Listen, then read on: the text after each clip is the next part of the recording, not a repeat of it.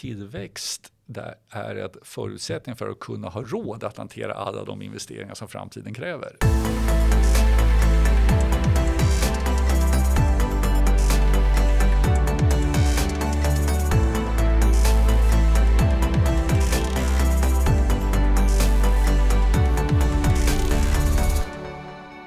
Lars Jagren är senior rådgivare åt Svenskt Näringsliv rörande frågor om näringslivets strukturomvandling, ägare och generationsskiften, EU och euroanalys samt konkurrenskraft på företagsnivå. Han är aktuell med delrapporten för skattenytta, institutioner och välstånd som är skriven för Kommissionen för skattenytta. Varmt välkommen till Skattebetalarnas podcast Uppskattat. Tack så mycket, vad trevligt att få komma hit. Ja, fick jag alla dina expertområden rätt där? Ja, ungefär i alla fall. Alltså, ja. Egentligen är jag strukturekonom, jobbar med långsiktiga tillväxt och konkurrenskraftsfrågor. Ah, strukturekonom. Ja, mm. Det låter väl fint? Ja, det är tjusigt, men jag, jag mm. förstår. Det är spännande frågor. Mm. Eh, och då tittar du på långa linjer misstänker jag framförallt. Ja, exakt. Eh, och det har du också gjort i den här mm. rapporten nu som mm. är gjord av Kommissionen för skattenytta. Detta initiativ. Vi intervjuade här för några veckor sedan, så, eller före jul var väl det till och med, så intervjuade Bettina Kachefi om mm. Eh, just uppstarten mm. av detta projekt. Eh, mycket roligt och vällovligt. Mm. Eh, och du har då varit med och skrivit den första delrapporten för den här kommissionen. Ja, exakt. Som då kom ut för ungefär två veckor sedan. Och man kan väl säga att den här första rapporten, mm. det är ju egentligen ett sätt att väldigt, väldigt övergripande belysa vikten av eh, offentligt finansierade regelverk, lagar och liknande. Alltså dess oerhörda vikt som det har på svensk konkurrenskraft, på näringslivets konkurrenskraft. Mm. Och därmed i sin tur näringslivets konkurrenskraft är avgörande för de resurser som vi har gemensamt. Alltså näringslivet skapar resurserna, den offentliga sektorn kan skapa förutsättningar för näringslivet att vara konkurrenskraftigt. Och det är egentligen det som den här rapporten belyser som sagt. Eh, vikten av det övergripande regelverket, vikten av institutioner, vikten av skattenytta. Ja, och vikten av en, en väl fungerande offentlig sektor egentligen. Ja, ja, det är ju precis. Alltså ja. Med institutioner så menar jag egentligen här ja. offentlig sektor och offentligt beslutade regelverk. Just det. Just det. Nej, det är intressant, för jag misstänker att en del mm. trodde det om eh, er också när ni startade er verksamhet och vi beskylls ofta för det, tycker vi mycket orättvist, mm. för att vi bara gnäller och klagar på det som är fel. Men, men här, här har ni, det, det, här är mycket beröm åt offentlig sektor också, eller åtminstone ett bevis för att det behövs.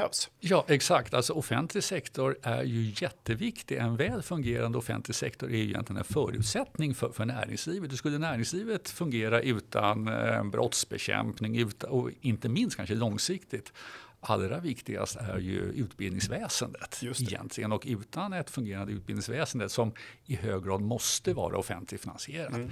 Så skulle ju inte näringslivet heller vara konkurrenskraftigt. Ja, just det. Just det. Eh, och det kan jag tänka mig, jag har haft gäster som mm. kanske skulle, skulle höja en, eh, vad heter det, ha, ha en lite ifrågasättande inställning till om, om, om det offentliga måste ha hand om utbildningssystemet. Ja. Men, men ja. låt, låt, oss lämna det. Där, därmed inte sagt att det offentliga behöver ha hand om allt. Men, men, att det är offentligt finansierat i ganska hög grad är nog väldigt viktigt. För annars mm. får man ju inte del av alla de kompetenser som finns bland de som inte annars själva skulle ha råd att studera. Så det är ju en samhällsekonomiskt viktig funktion att alla jag, kan studera som, som har möjlighet till det. Ja, och jag tror att eh, även den mest hårdföra nyliberal ja. kanske skulle skära, ut, skära bort utbildningen ja. ur det offentligt finansierade väldigt, väldigt sent i en sån ja, process. Precis. Eh, eh, jag tycker att den här rapporten är, är intressant. Jag var på presentationen mm. då när ni höll den och har läst den noggrant. Den är väldigt välskriven. Eh, Tack. Och, eh, du har beskrivit lite vad den handlar om, men eh, om man då börjar i lite av er mm. utgångspunkt. Då, att 1870-1970 så växte Sveriges BNP näst snabbast i världen. Mm. Och vad berodde det här på då? Ja, om man förenklar väldigt mycket ja. så kan man säga att det dels berodde på um, ökad efterfrågan från omvärlden, mm. alltså framförallt då på trävaror som Sverige producerar. Men annars i väldigt hög grad tack vare strukturreformer. Eh, typen av reformer var eh, liberalisering av skråväsendet försvann exempelvis. Man hade inrikespass när man skulle resa inom Just. Sverige som ju i våra dagar låter helt absurt men, men det fanns där. Man satsade rejält på reformer för att höja utbildningsnivån i landet. Alltså folkskolan var ju på sin tid eh, revolutionerande. Jag har sett statistik på att Sverige var den näst mest, alltså bred utbildning bland breda eh, befolkningslager så var Sverige näst bäst efter USA någon gång då 1870-talet exempelvis. Man, man satsade på infrastruktur, järnvägarna, Gripenstedt är ju väldigt ja. väl, välkänd, eller välkänd för många i alla fall. Eh, man hade en demokratiseringsprocess. Ståndsriksdagen försvann. Det blev ju inte i och för sig perfekt med allmän rösträtt från början. Men det var i alla fall steg, ganska snabba steg mot ja. en demokratisering.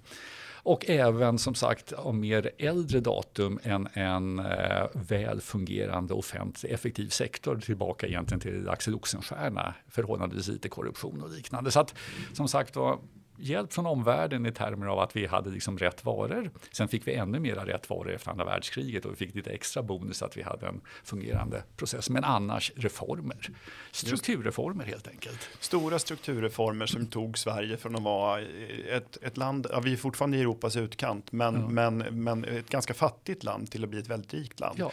Eh, på grund av en del kloka beslut som, som skapade rätt förutsättningar för liksom, tillväxt och välstånd. Mm. Exakt, exakt. Eh, vi har ju tittat lite på det här eh, som, vi också, som också en mm. tidigare gäst i, i podden här, Anders Bergskog skrev en bok eh, åt oss som heter Sveriges väg till högskatteland. Där han tittar på det här. Mm. Och han konstaterar just att tillväxten i Sverige var högre de 70 åren före andra världskriget än de 70 mm. åren efter. Mm.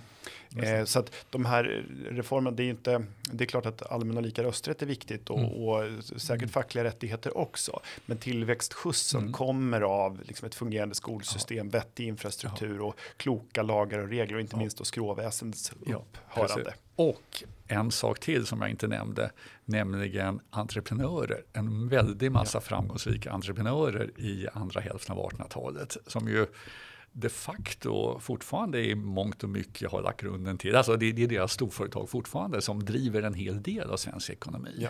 Så det säger någonting om vikten av entreprenörskap. Verkligen. Ja, och det där du som tittar på, på nu springer jag ifrån mitt manus helt och hållet här, men det här är så roligt. Nej, men det här säger någonting därför att de här eh, i den myllan som då skapas eh, mm. av de här rätta förutsättningarna så växer ett antal stora företag fram. Mm eh, liksom det är AGA mm. och, och, Ericsson och SKF Sandvik, och Sandvik och allt möjligt. Som, och det är fortfarande stora ja. och viktiga företag i Sverige. Sen händer nästan ingenting förutom Ikea Nej. på väldigt lång tid. Nej.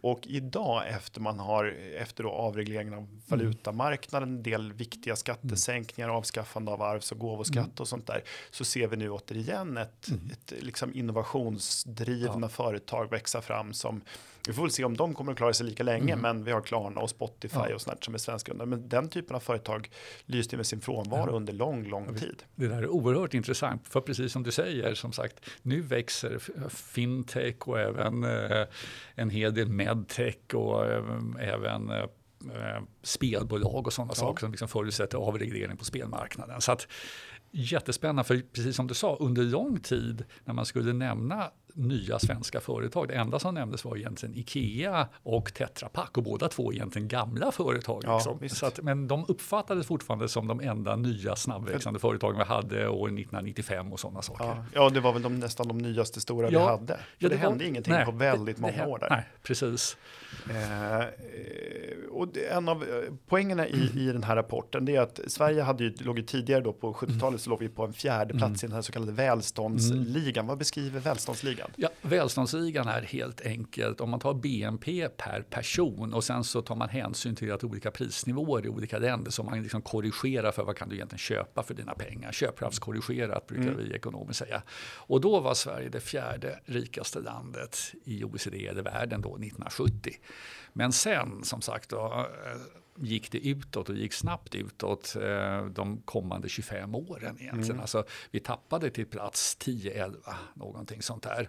Och det är klart, för den som var med och tänker tillbaka på 70-80-talet så var det ju en period av konstanta kostnadskriser, devalveringar. Alltså i princip så blev ju vi fattigare och fattigare hela tiden till följd av en, en dålig politik. Skatterna höjdes, det var mycket bråk på arbetsmarknaden och sådana saker. Så det var ett, egentligen två förlorade decennier minst. Alltså. Just det, man hade, en, man hade, från, man hade tidigt hade vi en, en mylla som, som kunde, eh, där, där det kunde skapas mm. framgångsrika stora företag mm. och eh, det där tog tvärstopp då ja. på slutet på 60-talet när skatterna ja. verkligen började springa iväg och eh, man pratade om löntagarfonder ja. och den här debatten. Så det är väl från slutet av 60-talet till slutet av 90-talet eller ja. början av 90-talet i alla fall. 90, alltså löntagarfonder var på något sätt kanske det mest typiska exemplet. Crescendo på något sätt där man på något sätt helt glömde bort vikten av företagande för tillväxt. På något sätt så kanske det var, ser man i efterhand, kan det möjligen vara så att det gick för bra för Sverige under väldigt lång tid. Ja. Så glömde man bort de här grundläggande drivkrafterna för att få välstånd överhuvudtaget.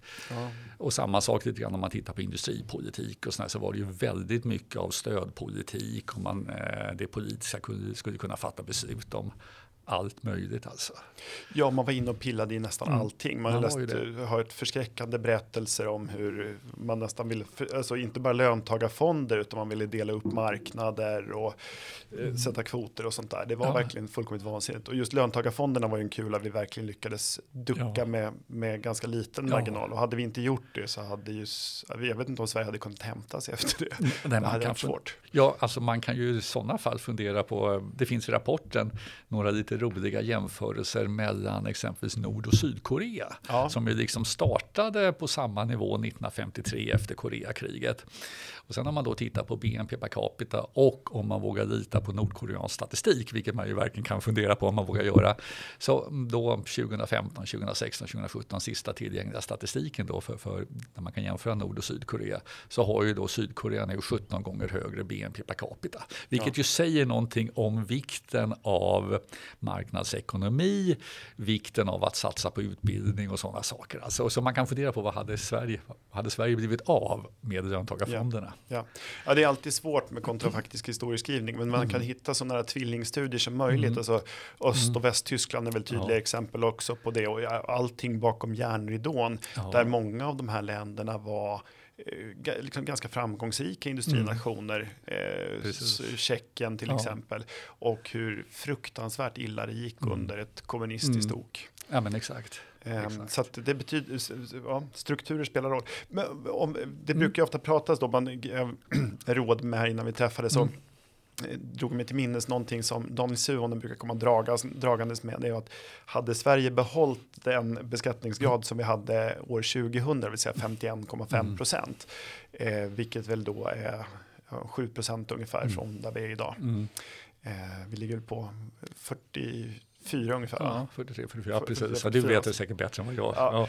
Ja. Eh, men så brukar han säga att då hade vi haft ett antal hundra miljarder mer om beskattningen hade legat kvar där. Men, mm. men eh, är det någonting, är det en analys du håller med om? Nej, inte alls alltså. en så kallad ledande fråga. Ja, det var ju en ledande fråga, men, men det var ju enkelt att svara på i alla fall. Alltså problemet med ett väldigt högt skattetryck är ju att alla skatter, eller risken är ju uppenbar att skatter både minskar incitamenten till utbildning, minskar incitamenten till företagande, minskar incitamenten till investeringar och också att de på olika sätt snedvrider eh, signalerna i ekonomin. Så att det är klart, allt annat lika så skulle man ju säga att, att ett lägre skattetryck är bättre än ett högre skattetryck. Samtidigt som, som det finns för något behov av skatter för att kunna ja. finansiera en mängd saker. Så att kommissionen är ju egentligen inte primärt ute för att diskutera exakt vilket skattetryck ska vara. Nej, eller något det, utan, det är vår uppgift. Utan, ja, det är er uppgift, precis. Utan snarare att givet skattetrycket kan man fundera på två saker. Hur tar man ut skatter på ett så effektivt sätt som möjligt som har minst snedvridande effekter? Och det andra, hur får man största möjliga nytta för de skatter som faktiskt vi medborgare betalar in? Just det. det. Eh, för, du, för du har egentligen, eller eh, i din rapport här så är det ju snarare motsatsen. Alltså om Sverige hade behållit sig kvar. Mm. Vad är vi idag mm. i välståndsligan? Vart ligger vi idag? Nu, ja, det hoppar lite men vi är ungefär plats 11 när det är bra statistik fortfarande. Ja. Problemet är att corona skapar en massa ja. problem. Så att, eh, vi kan säga att vi är på 11, möjligen på plats 10. Ja, 10-11. Ja. Men hade vi, behållit, hade vi mm. hållit kvar oss på plats 4, hur, mm. vad hade det inneburit för vårt välstånd? Ja, som sagt, det här är åter en väldigt grov kalkyl. Men, men om man då tänker sig att vi hade haft 43 procents eh, skattetryck eller 44 procent så hade vi haft ungefär 320 miljarder mer i, i eh, skatteintäkter varje år. Det. Och det är oerhört mycket. Nu diskuterar man ju att höja försvarets utgifter med 40 miljarder miljarder eller hela sjukhusvården, ja, nu den kostar 125 miljarder. Alltså så det är väldigt, väldigt mycket pengar. Sen kunde man också tänka sig att det hade räckt även till att sänka ett antal skadliga skatter som snedvrider mm. och sådär dessutom. Ja, för det är det som, som jag förvånas mm. över från, från de som förespråkar väsentligt högre skatter än vad jag och vi gör. Mm. Eh, så ser man det ofta eh, helt statiskt. För det handlar ju inte om i huvudsak om procentsatser Nej. utan hur mycket pengar man vill få in. Och ja. kan man istället ha en hög tillväxt så är ju det ett mycket bättre ja. Sätt att öka de offentliga ja. Eh, intäkterna och därmed möjligheterna till utgifter. Ja, visst, Nej, men alltså, tillväxt är ju helt nödvändigt. Mm. Det är ju absolut, precis som du säger, absolut mest effektiva sättet. Och där går det lite knackigt idag om vi tittar på tillväxt per per, per mm. capita mm. som man säger då, alltså per invånare. Ja exakt, ja, men den har ju saktat ner, nu har den i och för sig saktat ner i, i väldigt många länder så mm. att Sverige är inte ensamt om detta. Men, men problemet är om man tittar på statistiken över eh, välståndsligan och sådär så ser man igen en antydan till att Sverige var på väg uppåt här i, i början av 2000-talet. Och så då gjordes ju ett antal reformer mm. igen. Men sen så har vi liksom planat ut. Ja. Så att eh, vi kommer liksom inte uppåt riktigt. Nej, och det verkar för att under de här allra mest galna åren då från slutet av 60-talet mm. fram till tidigt 90-tal mm. Eh, och då gjordes ju den skattereformen eh, mm. av en socialdemokratisk regering i tillsammans med mm. Folkpartiet som de heter då, Liberalerna mm. idag. Mm. Eh, men det var ju ganska stor konsensus bland de, åtminstone de flesta av de svenska partierna att menar, även borgerliga partier förespråkade mm. någon form av löntagarfonder och det här med att sänka skatter mm. var inte, stod inte så högt på dagordningen. Och i gengäld fick vi sen efter under 90-talet mm. och tidigt 2000-tal så gjordes det ju rätt mycket många skattesänkningar. Mm. Alltså arvs och gåvoskatten mm. togs bort av mm. socialdemokratiska mm. regeringar och fastighetsskatten sen som kanske inte är lika skadlig för ekonomin men för, för hushållen mm. tas bort sen av, mm. av eh, av en borgerlig regering. Men det gjordes en massa saker av både borgerliga mm. och socialdemokratiska regeringar. Mm. Och sen tappades den reformtakten från egentligen mm. 2010 och framåt. Och den Precis. har vi inte tagit igen än nu på Nej. 12 år. Och, och, det är väl som sagt vad, vad rapporten pekar på inte bara om man tittar på skatt utan generellt sett att liksom omvärlden förändras ju hela tiden. Men vi har inte gjort speciellt mycket de sista 12 åren. Och det kan man ju fundera på, liksom en allt tuffare omvärld, konkurrenssituation och liknande.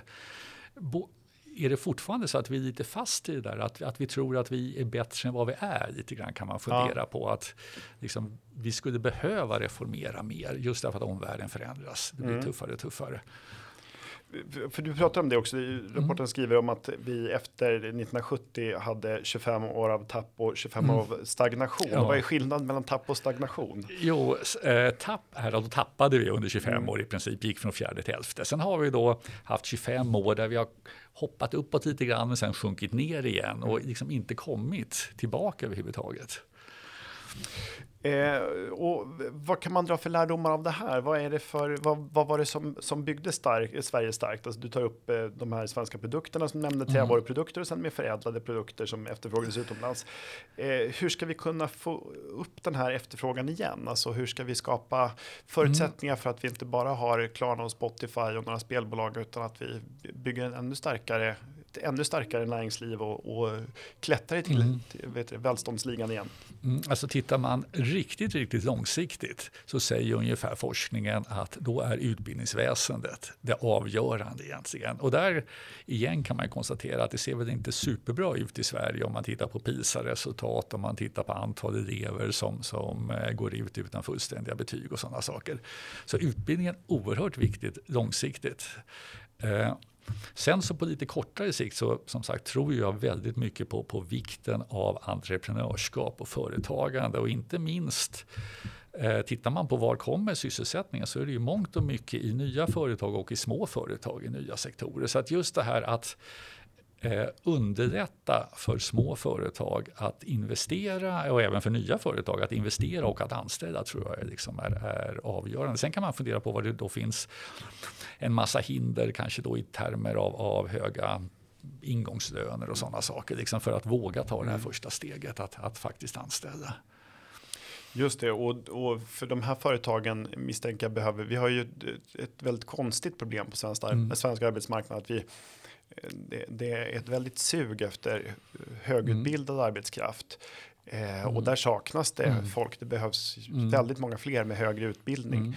Eh, och samtidigt så finns det stor arbetslöshet och det är bland mm. personer som då är mm. väldigt, väldigt och, lågt utbildade. Precis. Och det, båda två kan man ju, dels kan man fundera på hur arbetsmarknadsmatchning fungerar, men båda två är ju grunden lite grann ett utbildningsproblem. Alltså vi utbildar mm. för få.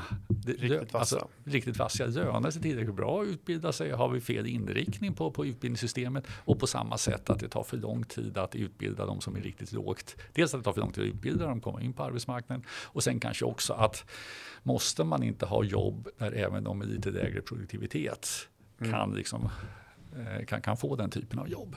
Just det. Så, och det är lite en ny situation vi står inför ja. misstänker jag. Ja. Alltså, det här eh, otroliga suget efter välutbildad arbetskraft och ja. så har vi ett stort, istället en stor arbetslöshet bland, bland outbildade. Det är ett ja, problem exakt. som är svårt att överbrygga. Ja, men precis.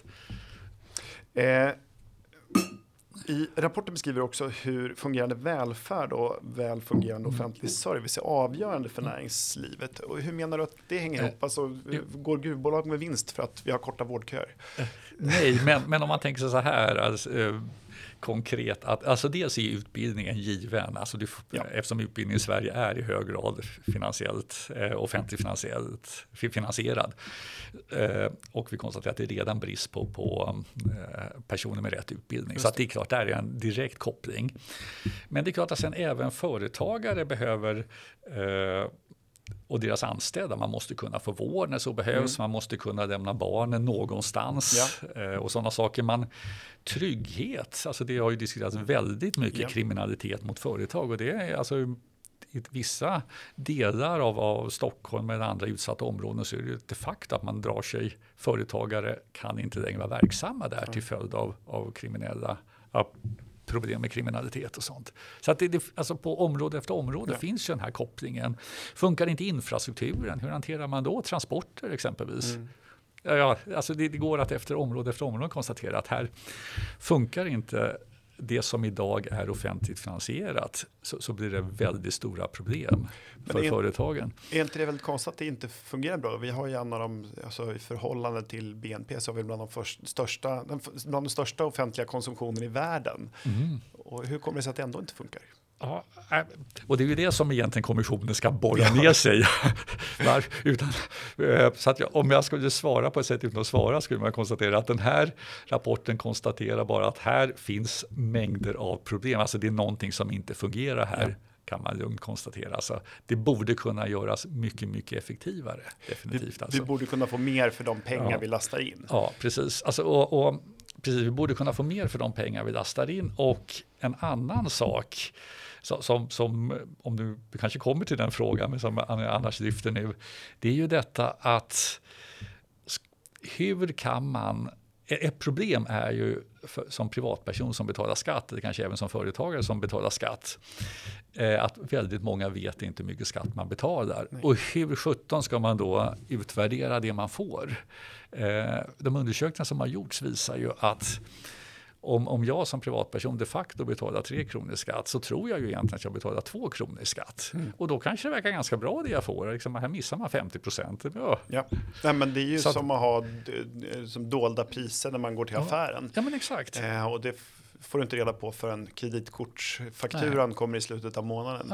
Eh, och det skulle ju lura väldigt, väldigt många. Jag tror att det är väl Svenskt Näringsliv som undersöker det. 9 mm. av 10 som underskattar hur mycket skatt de mm. betalar. Mm. Ja, exakt. Eh, och det där tar ju fart i, under slutet av 60-talet ja. framförallt. När man ja. inför då, för, för, ja, innan dess inför man eh, omsen och sen då mm. momsen. Mm. Som ju idag är för, för normala produkter är 25 procent mm. och i snitt ligger det på 20. Och sen de här arbetsgivaravgifterna mm. som bara till del och för vissa inkomstintervall eh, egentligen avspeglas i någon form av socialförsäkring.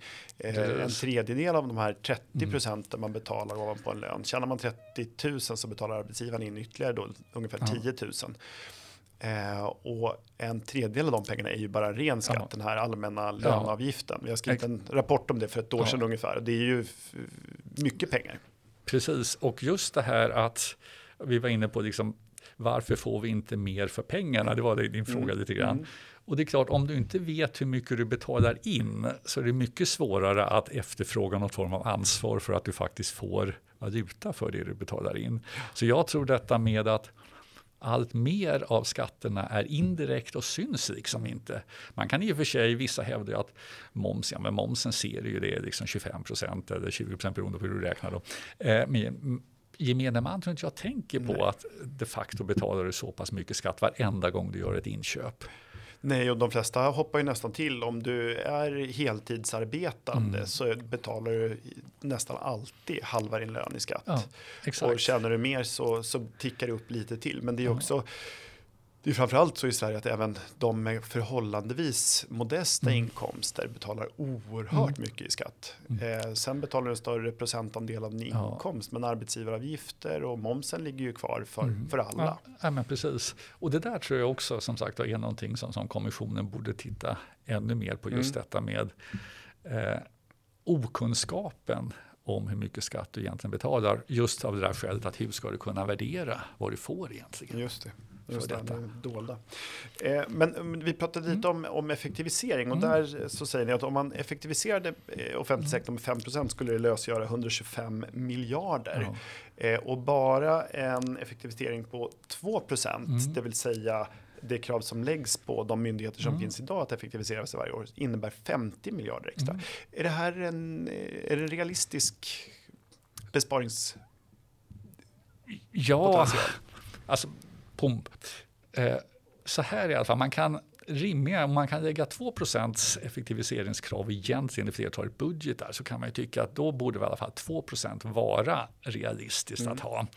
Eh, och sen de, å andra sidan, de, de det har gjorts ganska många studier om man tittar på offentlig upphandling, om man tittar på skillnader mellan kvalitet och insatta resurser i skolan och i sjukvården och sådär, som ju pekar på att även 5% borde inte vara omöjligt på ganska många håll. Eh, det är kanske inte är realistiskt överallt, men det säger i alla fall någonting om den potential som borde finnas. Att det finns en enorm effektiviseringspotential. Det känns ju som Eh, debatten i Sverige är väldigt, väldigt lite, har varit väldigt, väldigt lite om effektiviseringspotential utan snarare om hela tiden det behövs mer resurser. Mm. Och nästan alla av de studier som har gjorts visar att det finns inget direkt samband mellan mängden resurser och kvalitet eller output. Eh, om man tittar på skola, vård och omsorg och sådana saker. Så att, eh, Nej, och när, man, ja. när man pratar med, med personer jag känner som jobbar i offentlig sektor, till mm. exempel i sjukvården, mm. så har jag all, alla säger nästan rakt ut att problemet är inte resurser. Ge oss inte mer pengar för att skapa bara mer problem, utan ja. det behövs tydligt ledarskap och mm. det behövs liksom strategier för att få ut mer peng för pengarna. Pengar är ja. inte alltid det hjälper till. Nej, exakt. Och inte minst, alltså där kommer man väl in på en av de andra saker som, som jag lyfter i rapporten. Det är väl detta med att man borde kunna göra mycket mer av benchmark med andra länder. Alltså, mm. Hur kommer det sig att en svensk läkare bara har en tredjedel så många patienter som en tysk läkare ja. exempelvis? Ja, och, ja, särskilt som det har skett en försämring i Sverige. Mm. Det har mm. inte alltid varit så här, utan Nej. det har blivit mycket, mycket sämre mm. i Sverige. Vårdpersonal jobbar i väldigt stor utsträckning med med, inte med vården Nej. utan att jag hade Kajsa Dovstad här för, för några veckor sedan mm. som, som jobbar med de här frågorna på Timbro. Hon konstaterar mm. att det är ett, det är ett eh, rackarns mycket arbete med att fylla i blanketter och, och ja. den typen av, av arbete. Och man fyller ja. i samma blankett eller samma uppgifter på fem olika ställen. Ja. Och, sånt. Och, det är ett, det, och så skulle det aldrig gå till i eh, privat Nej. verksamhet. Hur kommer det sig att svenska lärare har förhållandevis mindre direkt undervisningstid ja. än OECD-genomsnittet, mycket mindre än Finland och sådana saker. Mm. Hur kommer det sig att eh, jag tittar lite grann nu här, att det som lärare verkligen tycker är stressande, det är det värsta stressmomentet är inte eleverna utan det är ju alla dessa administrativa krav, ja. exempelvis. Att det ja. finns ju liksom massor där som borde kunna effektiviseras och benchmarkas och göras bättre. Ja, och i skolans fall, Magnus Henriksson och Johan Wenström har ju skrivit en, en mm. bok nu på engelska om, om svensk skola och vilka mm. misstag som gjorts. där, mm. Det är väl inte bara de delarna utan också en läroplan som är fel ja. och en pedagogisk inriktning ja, som, som, har gjort att vi har gått ut för i ja. för 40 oh, års tid nu.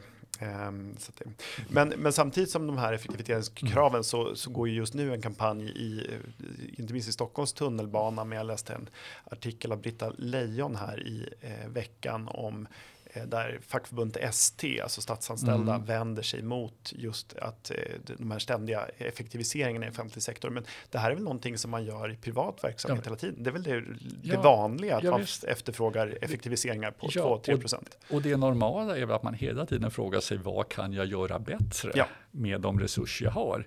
Och inte minst så tycker man ju med, med tanke på hur snabbt omvärlden förändras eller har förändrats och fortsätter att förändras så borde man ju också hela tiden ställa sig frågan är det vi gör nu det mest ändamålsenliga för att nå de, de mål vi har? Det är ju egentligen målen som är det relevanta på något sätt. Och det känns ju som att det väldigt sällan diskuteras. Utan, Nej, det är konstigt.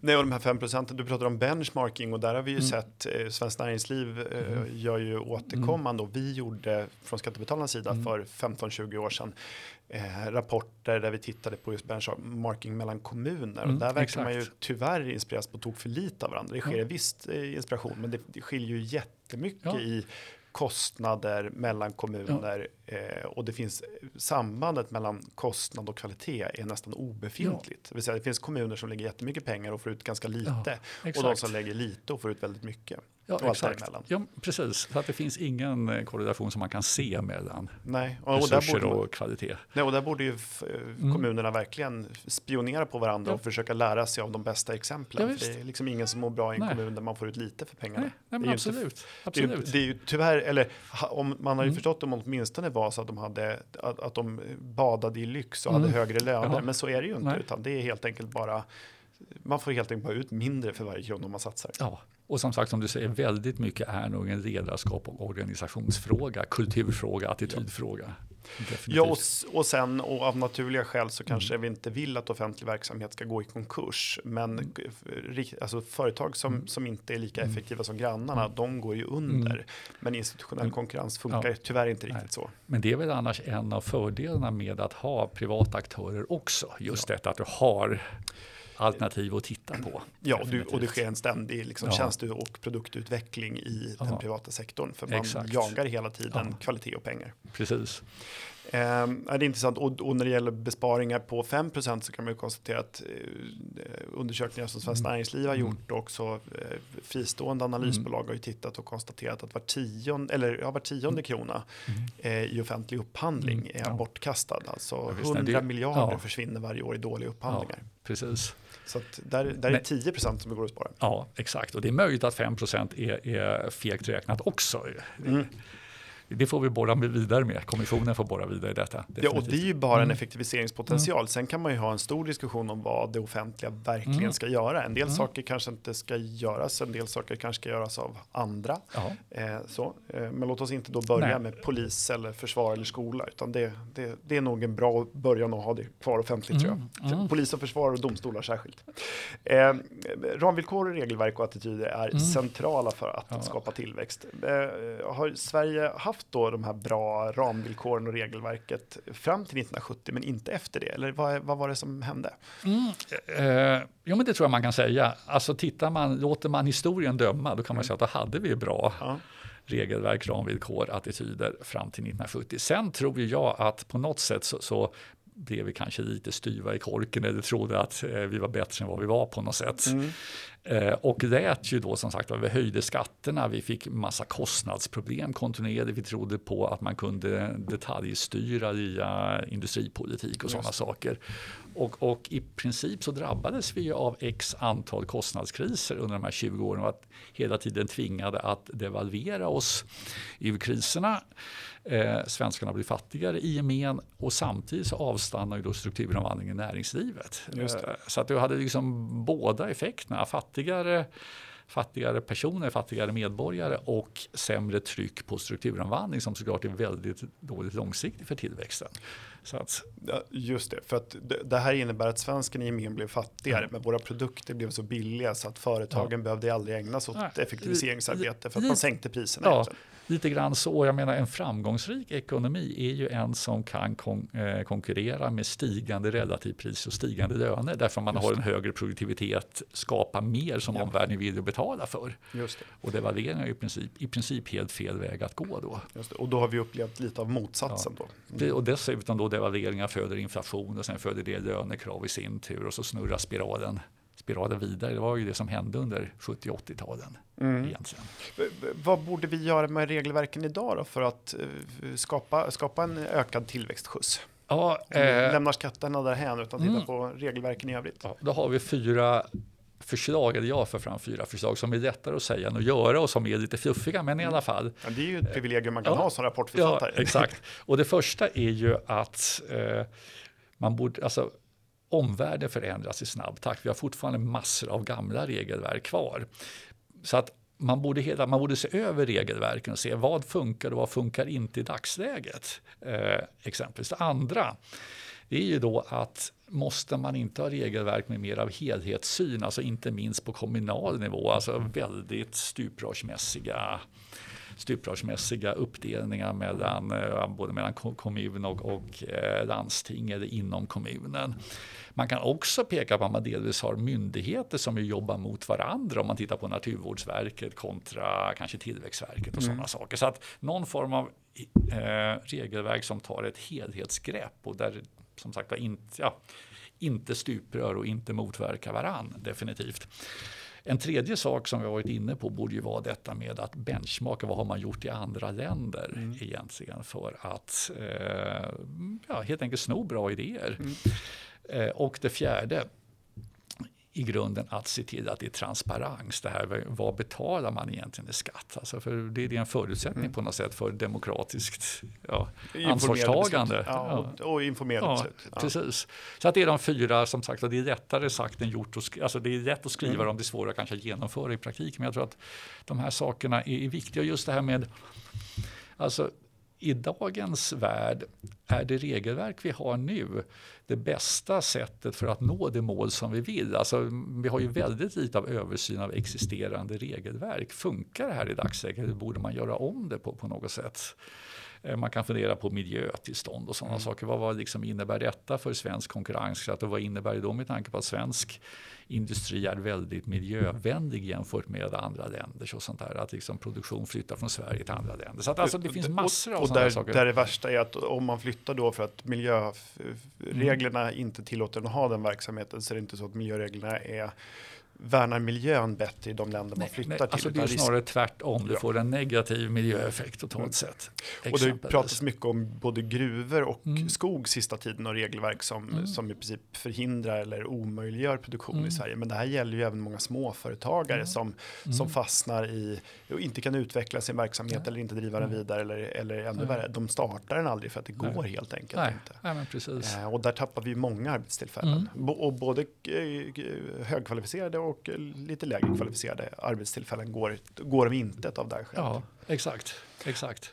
Ja, vad intressant. Vad borde man, eh, om du fick vara eh, statsminister, vad, vad skulle vara din första order då för att få ordning på det här? Är det de här fyra sakerna man ska ta tag i på lång sikt eller finns det några lågt hängande frukter, alltså korta snabba åtgärder som går att lösa? Ja, det, ja, det finns ju säkert ett antal korta, snabba jag skulle ändå börja, eftersom det är långsiktigt helt avgörande, skulle jag börja med att på en gång försöka förbättra och förändra den svenska skolan. Det, alltså, det Ja. känns ju som Ja, det där är en fråga, som, ja, det är en fråga vi kommer att brottas med. Den står Ja. inför helt nya utmaningar nu när vi har haft en stor eh, invandring som Mm. inte minst har varit utomeuropeisk. Med, Mm. så, det vi har fått hit väldigt många människor med ganska bristande eh, Mm. utbildningsbakgrund och det behöver man adressera. Men man behöver ju också ta tag i de här problemen som har släpat nu sedan 60-talet med märkliga läroplaner Mm. Ja. och liksom en konst, en, en felaktig Ja. inriktning. Ja, men exakt. exakt. Ehm, som sagt, jag hoppas på att få hit Magnus Henriksson Ja, snart för att fördjupa mig i den frågan. för att det där är, jätteintressant. Väldigt viktigt. ja, det är att, viktigt. eh, ju mer jag lä- lär mig om de här frågorna så, Mm. så ser man att det, det är inte omedelbart en skattefråga, men det handlar ju om vad vi faktiskt får för skattepengen Mm. och där tror jag att det finns eh, väldigt mycket att göra. Ja, och som är så oerhört viktigt långsiktigt för konkurrenskraft och tillväxt Ja. och därmed hur mycket resurser har vi i framtiden. Det är ju liksom det som är Ja, och det, och det är inte bara det, det är också att människor ska, alltså att fler ska kunna Mm. få ett, eh, tillväxten från Ja. köpet, människor blir bättre informerade, Ja. klokare och lever bättre och rikare liv och har också mer i plånboken. För det ska man ju inte glömma, en, po- en poäng av ökad tillväxt är ju inte bara att offentliga får mer pengar Nej. utan att vi alla får mer i, i, i fickorna. Nej, men exakt, exakt. Det kanske har låtit som att tillväxt är bara bra ja. för offentlig sektor, men så är det ju verkligen inte. Utan... Nej, men det är ett problem som, ja. som, som, eh, mm. som även vi med, som vill ha sänkta skatter ofta ja. missar, att det inte bara offentlig sektor som växer med tillväxten, utan, utan vi får alla, blir alla lite rikare och kan eh, ägna mer tid eh, eller, och mer högkvalitativ mm. tid med vänner och familj. Och, eh, kanske välja, och man kan ju unna sig, för det, så var det ju även under de här goda tillväxtåren. Man kunde kunde unna sig eh, mer semestrar, kortare mm. arbetstider. Mm. Alltså det är en naturlig utveckling. Att... Ja, och kanske har man mer pengar så mm. har man råd med en elbil ja, och exakt. sätta solceller på mm. taket och ja, isolera precis. fönstren så man slipper göra slut på ja. så mycket energi som man gör. Så det är en massa sådana saker som också bidrar till andra värden som är mm. viktiga. Så att eh, rika medborgare mm. är, är, ännu viktigare än en, en rik stat ska jag säga. Men, ja, men, nej, men det, det, det håller jag med om. Det offentliga behöver resurser också. Och rika medborgare är en förutsättning för en rik stat. Ja, precis. Grunden säga också. Ja, och sen så kan man, mm. man kan köpa sin egen bostad i större mm. utsträckning, vilket mm. skapar ett mindre mm. beroende av det offentliga, olika typer av mm. bidragssystem. Man blir mm. helt enkelt tryggare. Man kan pensionsspara mer och trygga sin ja, egen ålderdom. ja, men, ja. Visst. nu, nu, vad heter det? Vad heter det? Preach, preach, ja. Preaching for the choir, det gör vi båda. Eh, väldigt, eh, tiden rusar när man mm. har roligt. Väldigt roligt att ha det här Lars. Är det någonting jag glömt om? Någon, någonting, någon favorit från rapporten som jag glömt att fråga om? Uh, ja, alltså jag gillade ju den här, eh, ja vad man kan säga det är väl att eh, det här vi lever kanske i att tro att vi är bättre än vad vi är. Nu håller vi på att bli omsprungna av samtliga andra nordiska länder. Mm. Liksom, Finland är fortfarande lite, lite efter oss men klättrar i alla fall. Så det tycker jag är en sån där liksom, tankeväckare vad har vi gjort fel? Hur mycket kan vi lära oss av de övriga nordiska länderna? Det andra som sagt är just detta med eh, när man tittar på, ja du var inne på um, Östeuropa kontra Västeuropa. Jag tittade på Syd och Nordkorea eller eh, Jamaica och Singapore. Liksom vilken oerhörd betydelse det har, de här ramvillkoren och att det det slår inte igenom på en gång men det har liksom så fundamental vikt på, på längre sikt. Så det är oerhört viktigt att göra någonting. Och nu, alltså just den här frågan när världen har förändrats så mycket, har vi liksom rätt ramvillkor? Hur lockar vi hit? Eller hur får vi folk att stanna liksom, utbildningsmässigt och investeringsmässigt och så? Och göra, ja, precis, göra, ja, göra Sverige attraktivt. Och det är ju en tillväxt gör ju en ränta på ränta effekt. Mm, en procents högre tillväxt per år innebär snart att du är dubbelt ja. så, så rik som, som, som den som står still till. Precis, och det där försvinner lite grann. Den där äh, ja, och de som hävdar att liksom, tillväxt inte är viktigt och det är dåligt mm. för miljön och sådär. Det är ju bara att jämföra med de här med, med Singapore och Jamaica. Ja, det är inte så att Jamaica har ett, en, be, en bättre miljö eller en bättre Nej. miljöpolitik utan tvärtom har de väldigt dåliga förutsättningar ja. för att kunna ta hand om det.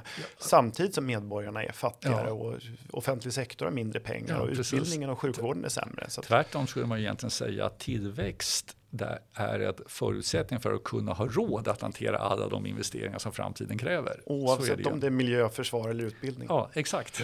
Ja, det där, vi, vi ska dra, fortsätta dra en lans för mm. tillväxten framöver.